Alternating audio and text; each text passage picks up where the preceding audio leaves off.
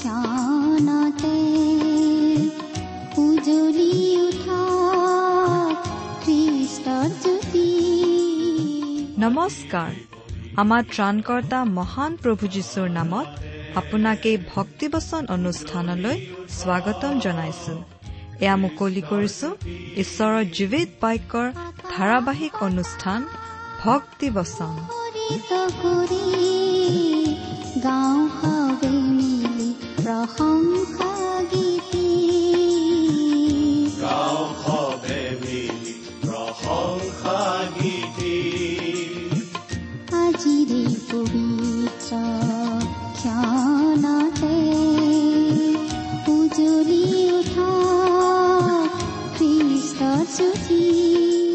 আপোনাৰ জীৱনত যদি শান্তি পাব বিচাৰে তেন্তে এয়া ঈশ্বৰৰ বাক্যৰ সান্তনা বাক্য ভক্তি বচন।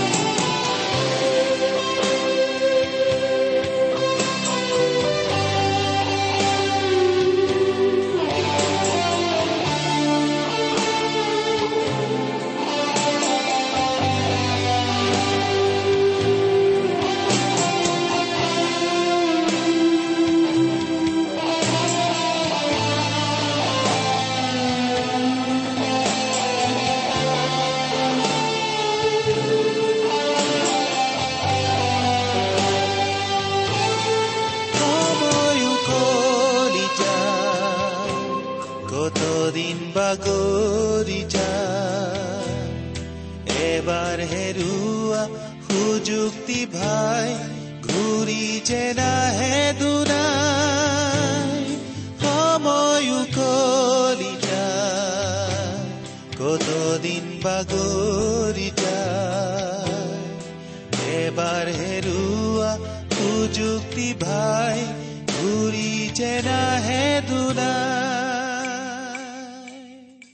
আমাৰ পৰম পবিত্ৰ প্ৰভু যীশুখ্ৰীষ্টৰ নামত নমস্কাৰ প্ৰিয় শ্ৰোতা।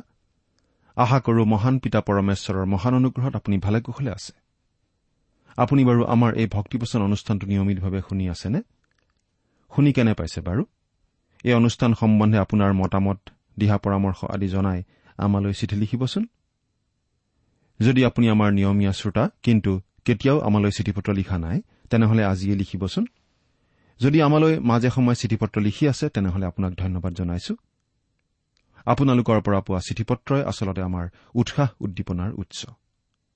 আমাৰ ঠিকনা ভক্তিবচন টি ডব্লিউ আৰ ইণ্ডিয়া ডাক বাকচ নম্বৰ সাত শূন্য গুৱাহাটী সাত আঠ এক শূন্য শূন্য এক।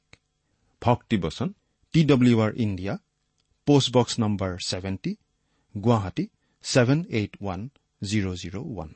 আমাৰ website W W W dot radio' eight eight two dot com আহকচোন আজিৰ বাইবেল অধ্যয়ন আৰম্ভ কৰাৰ আগতে খন্তেক প্ৰাৰ্থনাত মূৰ দুৱাওঁ। আমি প্ৰাৰ্থনা কৰো। স্বৰ্গত থকা আমাৰ অসীম দয়ালু পিতৃ ঈশ্বৰ তোমাৰ মহান নামৰ ধন্যবাদ কৰো। তুমি সৰ্বশক্তিমান সৰ্বব্যাপী সৰ্বজ্ঞানী ঈশ্বৰ হৈও আমাৰ দৰে ক্ষুদ্ৰ মানৱক যে ইমান প্ৰেম কৰা সেই কথা ভাবিলেই আচৰিত হওঁ। তুমি আমাক ইমানেই প্ৰেম কৰিলা যে আমাক পৰিত্ৰাণ দিবলৈ তুমি তোমাৰ একেজাত পুত্ৰ যীশুখ্ৰীষ্টকেই আমালৈ দান কৰিলা। তেওঁ ক্ৰুচত নিজৰ পবিত্ৰ তেজেৰে আমাৰ পাপৰ প্ৰায়চিত্ৰ কৰিলে। আজি তেওঁত বিশ্বাস কৰি আমি অনন্ত জীৱন লাভ কৰি তোমাক পিতৃ বুলি মাতিব পৰা হৈছো। তাৰ বাবে তোমাক অশেষ ধন্যবাদ পিতা। এতিয়া আমি তোমাৰ মহান বাক্য বাইবেল শাস্ত্ৰ অধ্যয়ন কৰিবলৈ ওলাইছো। প্ৰাৰ্থনা কৰিছো তোমাৰ বাক্য তুমিয়েই আমাক বুজাই দিয়া। এই অনুষ্ঠান শুনি থকা আমাৰ মৰমৰ শ্ৰোতাসকলক তুমি উপচি পৰাকৈ আশীৰ্বাদ কৰা। জাগতিক প্ৰয়োজনসমূহৰ লগতে তেওঁলোকৰ আধ্যামিক দিশৰ প্ৰয়োজনসমূহ তুমি পূৰণ কৰা। কিয়নো এই প্ৰাৰ্থনা আমাৰ মহান ত্ৰাণকৰ্তা মৃত্যুঞ্জয় প্ৰভু যীশুখ্ৰীষ্টৰ নামত আগবঢ়াইছো। আমেন।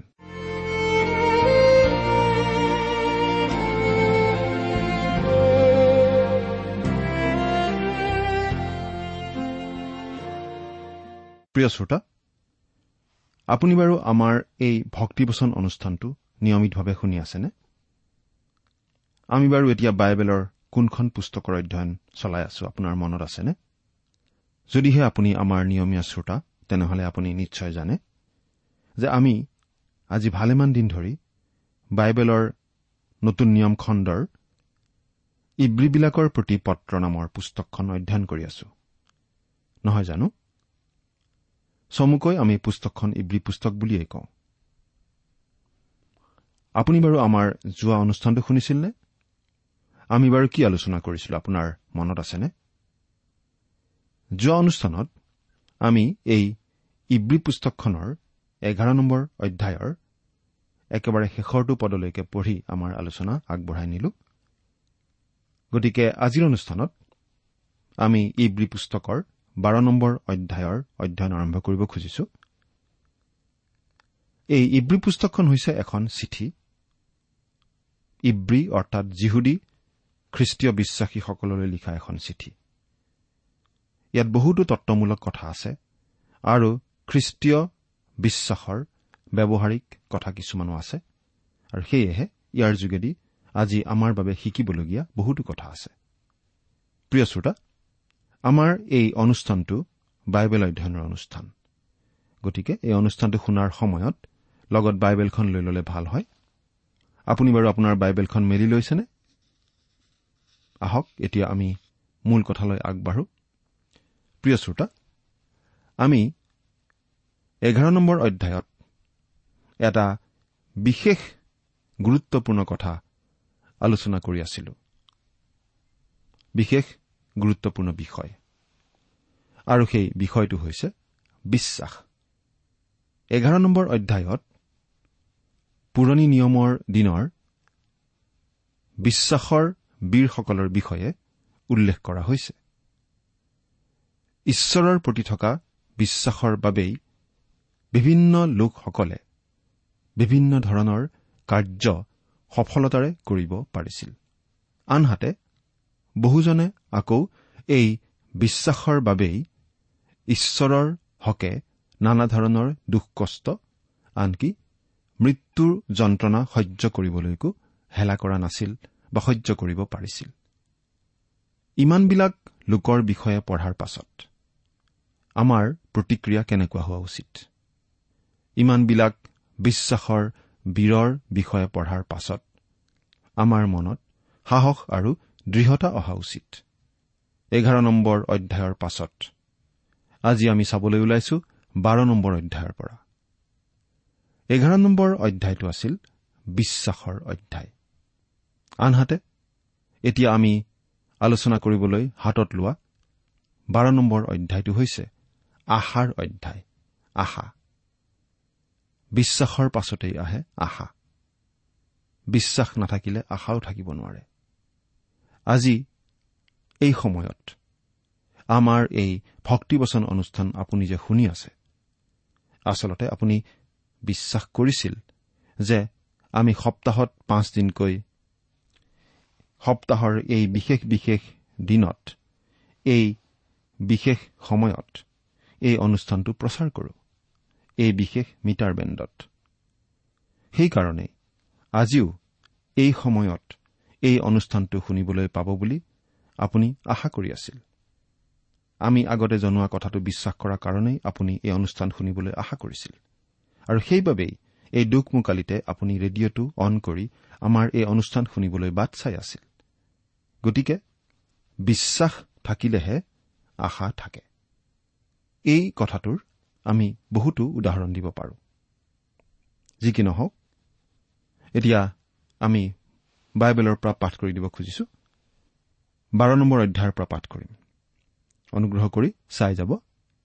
আপোনাৰ লগত যদি বাইবেল নাই অনুগ্ৰহ কৰি মন দি শুনিব দেই। ইব্ৰী বাৰ নম্বৰ অধ্যায়ৰ এক আৰু দুই নম্বৰ পদ। পাঠ কৰি দিছো।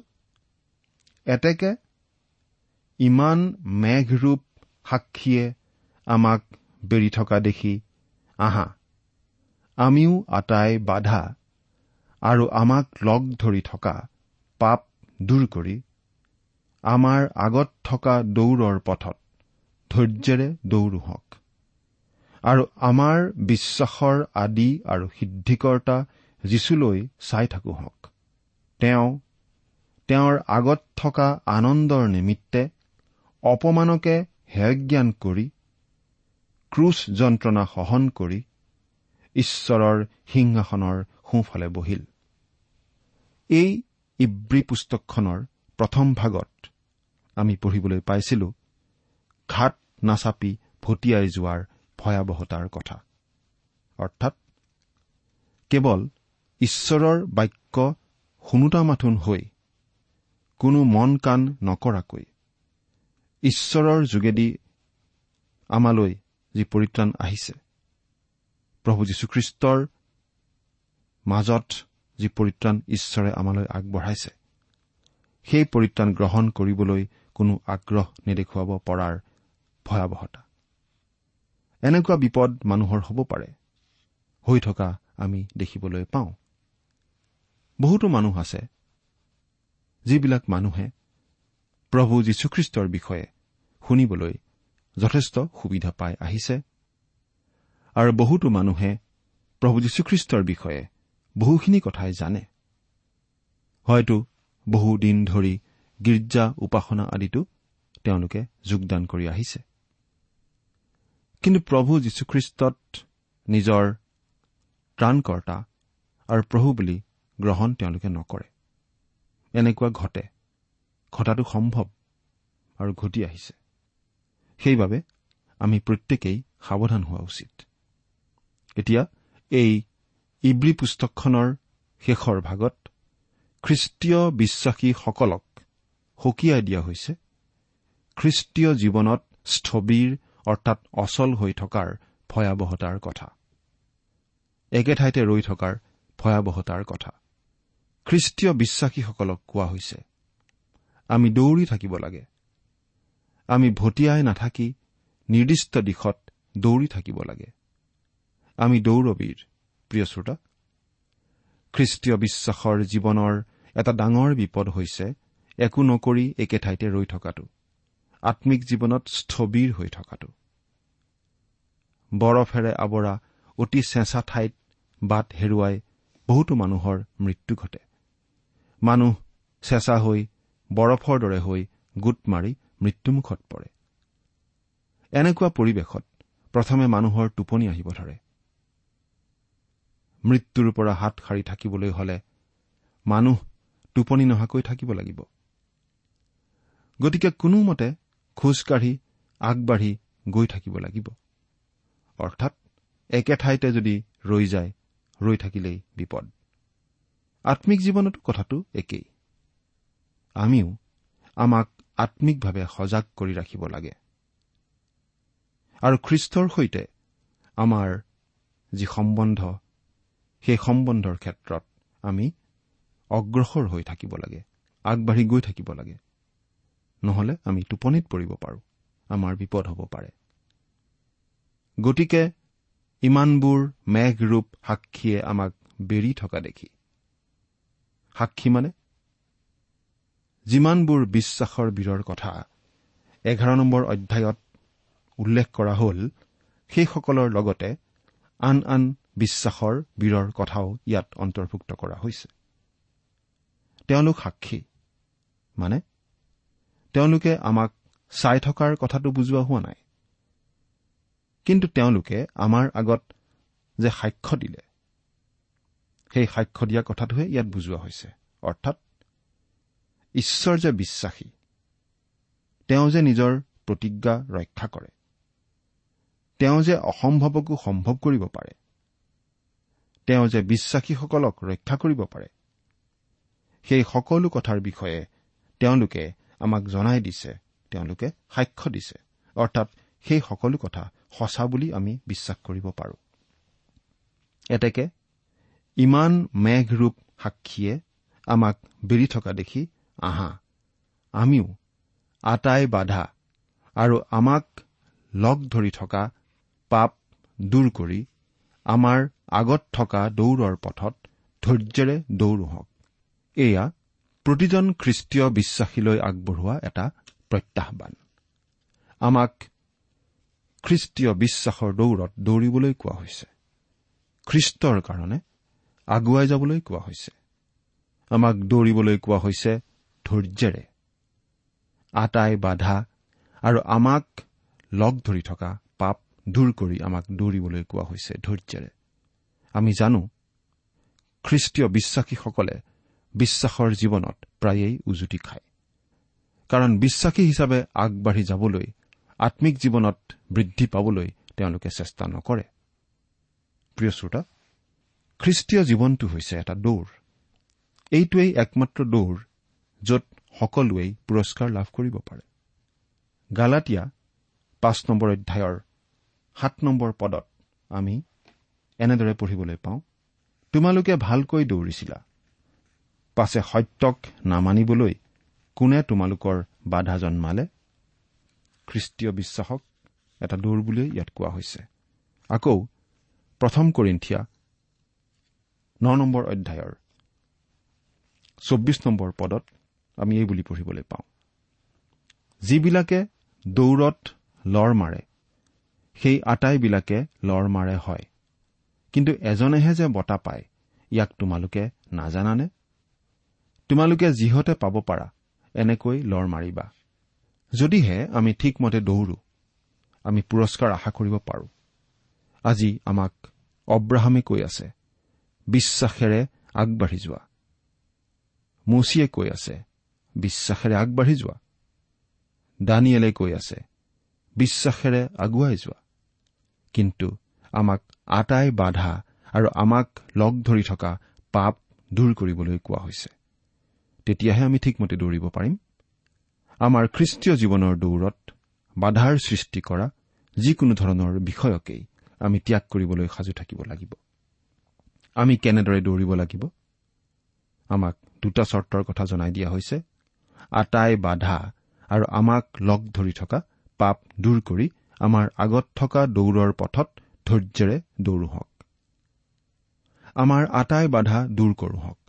মানে তেওঁ বাৰু কি বুজাইছে? বাধা বা ওজন দৌৰৰ ক্ষেত্ৰত অতি অলাগতিয়াল বস্তু। বেছি ওজন থকা বস্তু এটা লগত লৈ দৌৰাটো কঠিনহে। ওজনটো বাধাহে। গতিকে আমি দৌৰিবলৈ হলে ওজনবোৰ কমাবহে লাগিব। যদি কিবা ওজনে বাধা দি থাকে সেই ওজন দূৰ কৰিব লাগিব। এইখিনিতে আমাৰ এজন মানুহৰ কথা মনত পৰিছে। তেওঁৰ নাম আছিল গিল ডটছ। তেওঁ অতি ভাল খ্ৰীষ্টীয় বিশ্বাসী লোক আছিল আৰু এজন বিখ্যাত দৌৰবীৰ আছিল। তেওঁৰ দৌৰ চাবলৈ যোৱা কেইজনমান মানুহে এনেদৰে লিখিছিল। তেওঁ কেইপাকমান দৌৰিলে এযোৰ টেনিছৰ জোতা পিন্ধি। তাৰ পাছত তেওঁ ৰল আৰু কিবা বেলেগ এযোৰ জোতা পিন্ধিলে। তাত থকা মানুহ এজনে তেওঁক সুধিলে তেওঁনো কিয় জোতাযোৰ সলাব লগা হ'ল? তেওঁ এপাত টেনিছ জোতা আৰু পাছত পিন্ধা পাতল জোতা এপাত সেই প্ৰশ্ন সোধা মানুহজনৰ পিনে দলিয়াই দিলে। সেই জোতা দুযোৰৰ মাজত খুব বেছি ওজনৰ পাৰ্থক্য নাছিল। কিন্তু জোতা দুযোৰৰ মাজত যিখিনি ওজনৰ পাৰ্থক্য আছিল সেইখিনিয়েই তেওঁক দৌৰ প্ৰতিযোগিতাত হৰুৱাবৰ কাৰণে যথেষ্ট আছিল। আমাৰ খ্ৰীষ্টীয় বিশ্বাসৰ জীৱনতো। এনেকুৱা বহুতো বিষয় আছে যিবোৰ আচলতে ওপৰে ওপৰে চালে এনেই চাবলৈ গ'লে একো বেয়া বা অন্যায়কাৰী বস্তু নহয়। আপত্তিকৰ বিষয় নহয় যেন লাগে। কিন্তু খ্ৰীষ্টীয় বিশ্বাসীসকলে সেই ওজনবোৰ কঢ়িয়াই লৈ ফুৰা উচিত নহয়। কিয় বাৰু? কাৰণ সেইবোৰ থাকিলে আমি দৌৰত জয়লাভ কৰিব নোৱাৰো। এইখিনিতে আমি এটা উদাহৰণ দিব খুজিছো। কিন্তু অনুগ্ৰহ কৰি উদাহৰণটো দিয়াৰ কাৰণে আমাক যাতে ভুল নুবুজে আমি আচলতে কাকো ঠাট্টা কৰিবলৈ বা আঘাত দিবলৈ উদাহৰণটো দিব খোজা নাই। যদিহে আপুনি এজন খ্ৰীষ্টীয় বিশ্বাসী লোক তেনেহলে ঈশ্বৰৰ সন্তান হিচাপে আপুনি কি কৰা উচিত বা অনুচিত? সেই সিদ্ধান্তটো আপুনি নিজৰ বাবে নিজে ল'ব লাগিব আৰু ময়ো মোৰ ক্ষেত্ৰত সেই সিদ্ধান্ত নিজে ল'ব লাগিব। এবাৰ এজনী গাভৰু ছোৱালী মণ্ডলীৰ পালকৰ ওচৰলৈ গৈ এই বুলি সুধিলে ডাঙৰীয়া মই বাৰু ক্লাবত নচা উচিত নে অনুচিত? তেতিয়া পালকজনে উত্তৰ দি সেই ছোৱালীজনীক এই বুলি ক'লে নিশ্চয় তুমি নচা উচিত। যদিহে তুমি খ্ৰীষ্টীয় জীৱনৰ দৌৰত জয়লাভ কৰিব নোখোজা। অৰ্থাৎ খ্ৰীষ্টীয় বিশ্বাসীৰ আচৰণৰ ক্ষেত্ৰত আচলতে উচিত অনুচিতৰ প্ৰশ্নটো নাহে। কাৰণ যিটো কৰা উচিত সেইটোৱেই আপুনি কৰিব বুলি ধৰি লোৱা হয়। কিন্তু প্ৰশ্নটো হৈছে আমি যি কাম কৰোঁ সেইটোৱে মোৰ খ্ৰীষ্টীয় বিশ্বাসৰ জীৱনৰ সাক্ষ্যত কিবা আঘাত কৰিব নেকি? মোৰ সাক্ষ্য বেয়া কৰিব নেকি? খ্ৰীষ্টীয় জীৱনৰ দৌৰত জয়লাভ কৰাত মোক সেই কামে বাধা দিব নেকি? সেই কামটো মোৰ জীৱনৰ বাবে এটা বোজাস্বৰূপ হ'ব নেকি? আজি বহুতো খ্ৰীষ্টীয় বিশ্বাসী লোকে এনেকুৱা কিছুমান বোজা কঢ়িয়াই ফুৰিছে যিবোৰ বোজা তেওঁলোকে কঢ়িয়াই ফুৰা উচিত নহয়। ক্লাবত নচা উচিত হয় নে নহয় সেই বিষয়ে আমি কাৰো লগত কোনো যুক্তি তৰ্কত নামিব খোজা নাই আৰু নামিব নোখোজো। বহুতো লোক আছে তেওঁলোকে কয় যে যদিহে আপুনি এজন খ্ৰীষ্টীয় বিশ্বাসী লোক। তেনেহলে আপুনি কিছুমান বিশেষ বিশেষ কাম কৰা উচিত নহয়। সেই বিষয়ে নানা ধৰণৰ যুক্তিতৰ্কও হয়। সেইবোৰৰ বিষয়ে আমি একো যুক্তিতৰ্ক কৰিব খোজা নাই। কিন্তু আমি কেৱল এই কথাটোৱেই ক'ব খুজিছো। আপুনি বাৰু দৌৰত ভাগ লৈ আছেনে? আপুনি সেই দৌৰত জয়লাভ কৰিব খোজেনে? আপুনি বাৰু প্ৰভু যীশুলৈ চাই আছেনে? সেইটোহে সকলোতকৈ দৰকাৰী আৰু গুৰুত্বপূৰ্ণ প্ৰশ্ন। দ্বিতীয়তে আমাক লগ ধৰি থকা পাপ দূৰ কৰি। এইটো হৈছে দ্বিতীয়টো চৰ্ত। ইয়াত বাৰু কি পাপৰ কথা কোৱা হৈছে? এইটো সাধাৰণ অৰ্থত বা সৰ্বাত্মক পাপৰ কথা বুজোৱা হোৱা নাই। ইয়াতো আমি আকৌ উভতি চাব লাগে আগৰ অধ্যায়টোলৈ অৰ্থাৎ এঘাৰ নম্বৰ অধ্যায়টোলৈ। কাৰণ এই বাৰ নম্বৰ অধ্যায়টোৰ প্ৰথমটো পদ আৰম্ভ হৈছে এতেকে শব্দটোৰে। এতেকে ইমান মেঘৰূপ সাক্ষীয়ে আমাক বেৰি থকা দেখি আহা। আমিও আটাই বাধা আৰু আমাক লগ ধৰি থকা পাপ দূৰ কৰি আমাৰ আগত থকা দৌৰৰ পথত ধৈৰ্যৰে দৌৰো হওক গতিকে আমি পাপৰ কথা বুজিবলৈ আগৰ অধ্যায়ৰ কথাখিনি মনত পেলাব লাগিব। আগৰ অধ্যায় অৰ্থাৎ এঘাৰ নম্বৰ অধ্যায়ত পোৱা সকলোতকৈ ডাঙৰ পাপটো বাৰু কি আছিল? চিন্তা কৰি চাওকচোন। সকলোতকৈ ডাঙৰ পাপটো আছিল অবিশ্বাস। অবিশ্বাস। কাৰণ এঘাৰ নম্বৰ অধ্যায়ত আমাক বিশ্বাসৰ বিষয়ে কোৱা হৈছিল। অবিশ্বাসেই হৈছে সেই অনবৰতেই লাগি থকা পাপটো। অবিশ্বাসৰ সমান আন একোৱেই আপোনাক ইমান পিছলৈ টানিব নোৱাৰে। অবিশ্বাসেই আমাক সকলোতকৈ বেছিকৈ বাধা দিয়ে। যেন কান্ধত এটা ধানৰ বস্তা লৈ আৰু এটা খালী বস্তাৰ মাজত ভৰি দুখন দি আপুনি দৌৰত যোগ দিবলৈ গৈছে। ঠিক তেনেকুৱা।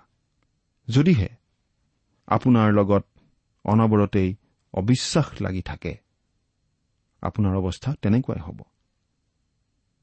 আপুনি তেনেকুৱা অৱস্থাৰে কেতিয়াও দৌৰিব নোৱাৰে। আৰু খ্ৰীষ্টীয় জীৱনতো আপুনি তেনে কৰিব নিশ্চয় নোৱাৰে। আচলতে আমাৰ বহুতকেই ধৰি ৰাখে এই অবিশ্বাসে। আৰু আনৰ কথালৈ চাবই নালাগে।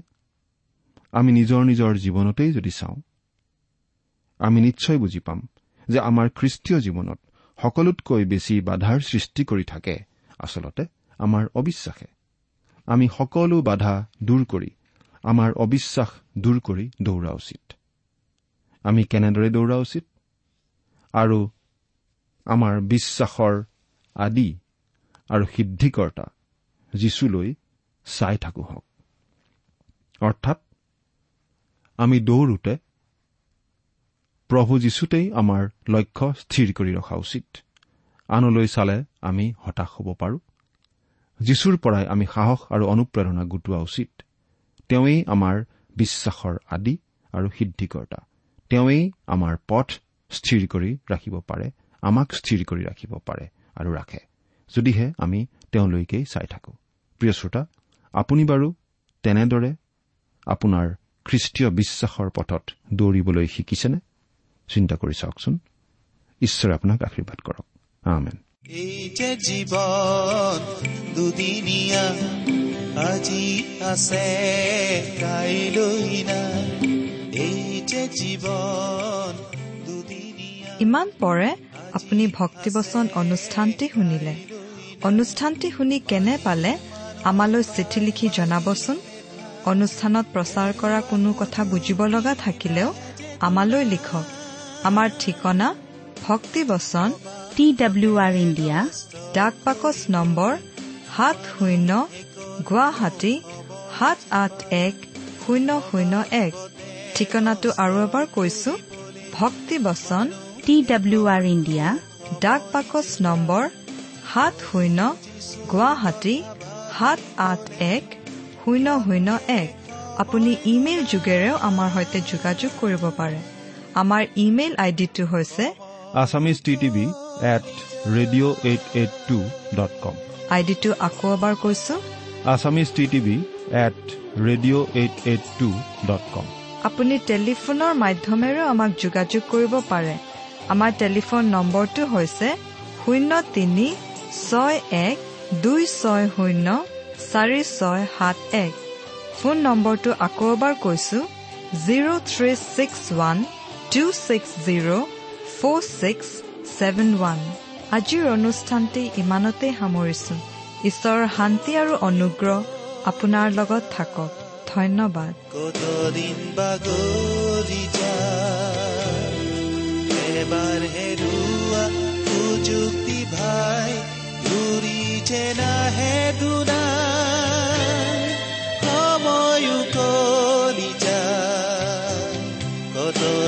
বাগৰি যায় এবাৰ হেৰুৱা সুযুক্তি ভাই ঘূৰি যে নাহে দুনাই। যিচুৰ প্ৰেমৰ আগবানলৈ সঁহাৰি দিয়াৰ সময় যিচুৰ প্ৰেমৰ আগবানলৈ সঁহাৰি দিয়াৰ সময় এবাৰ দুৱাৰ বন্ধ হলে নেমেলিব যিচুৱে দুনাই। লাখ বিলাস আৰু জাগতিকতা জীৱনৰ নুগুচাই লাখ বিলাস আৰু জাগতিকতাই জীৱনৰ ভুক্তি নুগুচাই প্ৰকৃতি শান্তি যিচুকেহে পায় তেওঁতে আত্মাই চিৰণি পায় সময়ো কলি